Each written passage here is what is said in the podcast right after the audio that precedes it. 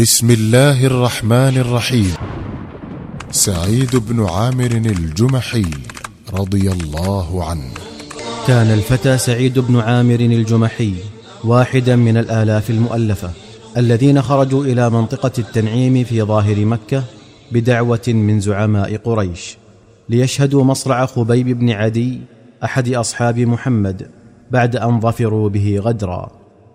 وقد مكنه شبابه الموفور وفتوته المتدفقة من أن يزاحم الناس بالمناكب حتى حاذى شيوخ قريش من أمثال أبي سفيان بن حرب وصفوان بن أمية وغيرهما ممن يتصدرون الموكب. وقد أتاح له ذلك أن يرى أسير قريش مكبلا بقيوده وأكف النساء والصبيان والشبان تدفعه إلى ساحة الموت دفعا لينتقموا من محمد في شخصه. وليثأروا لقتلاهم في بدر بقتله. ولما وصلت هذه الجموع الحاشدة بأسيرها إلى المكان المعد لقتله وقف الفتى سعيد بن عامر الجمحي بقامته الممدودة يطل على خبيب وهو يقدم إلى خشبة الصلب وسمع صوته الثابت الهادئ من خلال صياح النسوة والصبيان وهو يقول إن شئتم أن تتركوني أركع ركعتين قبل مصرعي فافعلوا.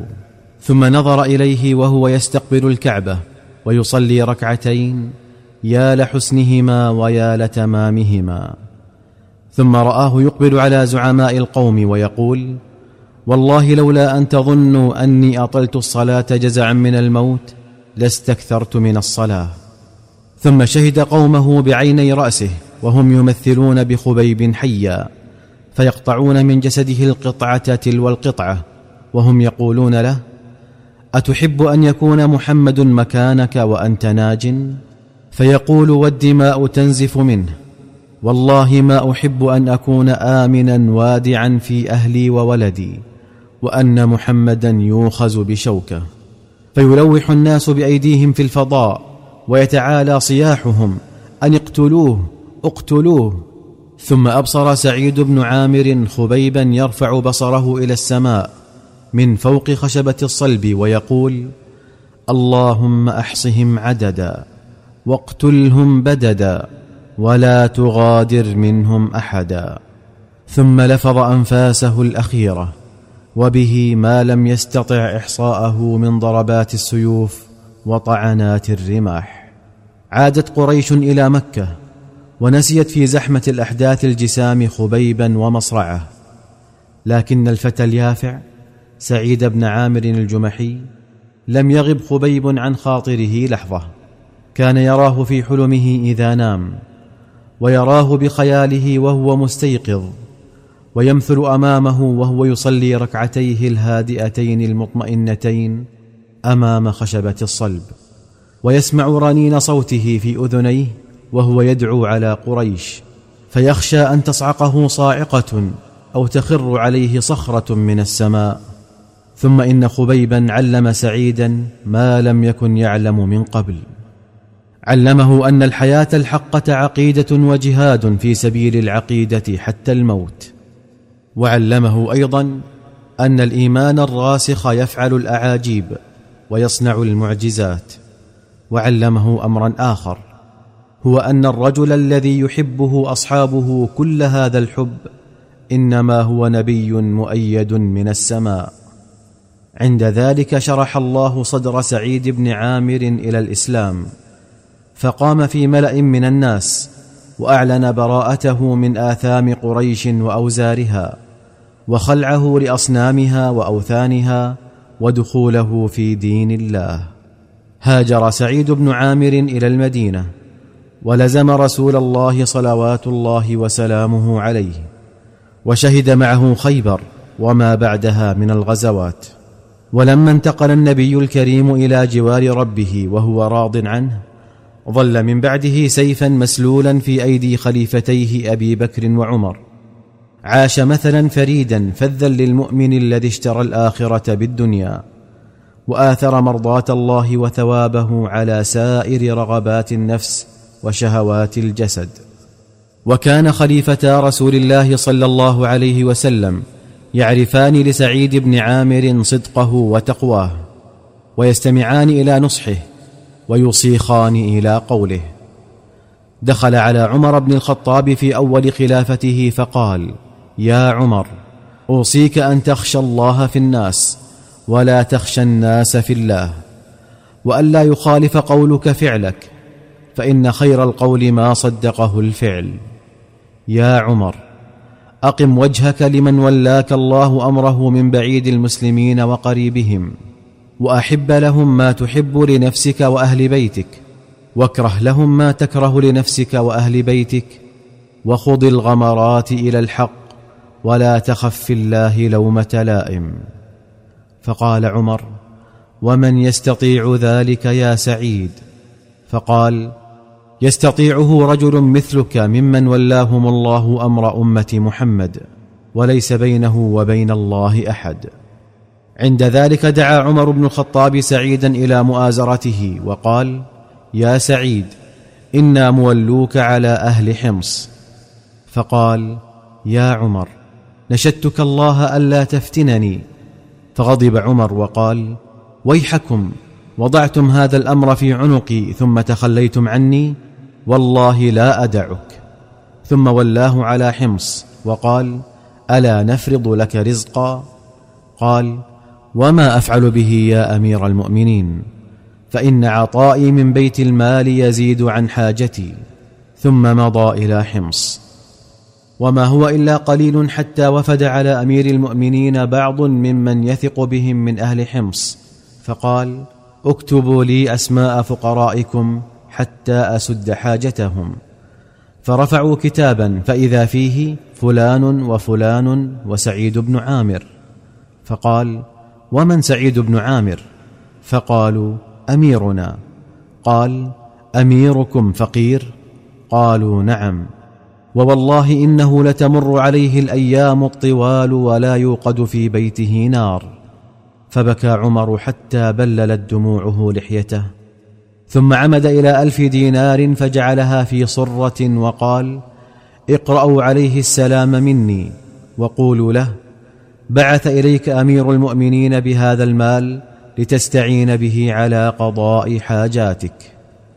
جاء الوفد لسعيد بالصرة فنظر إليها فإذا هي دنانير فجعل يبعدها عنه وهو يقول إنا لله وإنا إليه راجعون.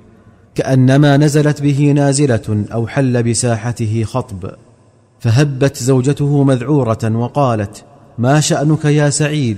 أمات أمير المؤمنين؟ قال بل أعظم من ذلك. قالت أأصيب المسلمون في وقعة؟ قال بل أعظم من ذلك. قالت وما أعظم من ذلك؟ قال دخلت علي الدنيا لتفسد آخرتي. وحلت الفتنة في بيتي. قالت تخلص منها وهي لا تدري من أمر الدنانير شيئا. قال أو تعينينني على ذلك؟ قالت نعم. فأخذ الدنانير فجعلها في صرر ثم وزعها على فقراء المسلمين. لم يمض على ذلك طويل وقت حتى أتى عمر بن الخطاب رضي الله عنه ديار الشام يتفقد أحوالها. فلما نزل بحمص وكانت تدعى الكويفة وهو تصغير للكوفة وتشبيه لحمص بها لكثرة شكوى أهلها من عمالهم وولاتهم كما كان يفعل أهل الكوفة. فلما نزل بها لقيه أهلها للسلام عليه فقال كيف وجدتم أميركم؟ فشكوه إليه وذكروا اربعا من أفعاله كل واحد منها أعظم من الآخر. قال عمر فجمعت بينه وبينهم ودعوت الله ألا يخيب ظني فيه فقد كنت عظيم الثقة به. فلما أصبحوا عندي هم وأميرهم قلت ما تشكون من أميركم؟ قالوا لا يخرج إلينا حتى يتعالى النهار. فقلت وما تقول في ذلك يا سعيد؟ فسكت قليلا ثم قال والله إني كنت أكره أن أقول ذلك أما وإنه لا بد منه فإنه ليس لأهلي خادم فأقوم في كل صباح فأعجن لهم عجينهم ثم أتريث قليلا حتى يختمر ثم أخبزه لهم ثم أتوضأ وأخرج للناس. فقال عمر فقلت لهم وما تشكون منه أيضا؟ قالوا إنه لا يجيب احدا بليل. قلت وما تقول في ذلك يا سعيد؟ قال إني والله كنت أكره أن أعلن هذا أيضا فأنا قد جعلت النهار لهم والليل لله عز وجل. قلت وما تشكون منه أيضا؟ قالوا إنه لا يخرج إلينا يوما في الشهر. قلت وما هذا يا سعيد؟ قال ليس لي خادم يا أمير المؤمنين وليس عندي ثياب غير التي علي فأنا أغسلها في الشهر مرة وأنتظرها حتى تجف ثم أخرج إليهم في آخر النهار. ثم قلت وما تشكون منه أيضا؟ قالوا تصيبه من حين إلى آخر غشية فيغيب عمن في مجلسه. فقلت وما هذا يا سعيد؟ فقال شهدت مصرع خبيب بن عدي وأنا مشرك. ورأيت قريشا تقطع جسده وهي تقول أتحب أن يكون محمد مكانك؟ فيقول والله ما أحب أن أكون آمنا في أهلي وولدي وأن محمدا تشوكه شوكة.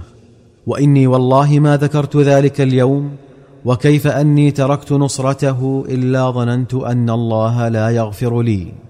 وأصابتني تلك الغشية. عند ذلك قال عمر الحمد لله الذي لم يخيب ظني به.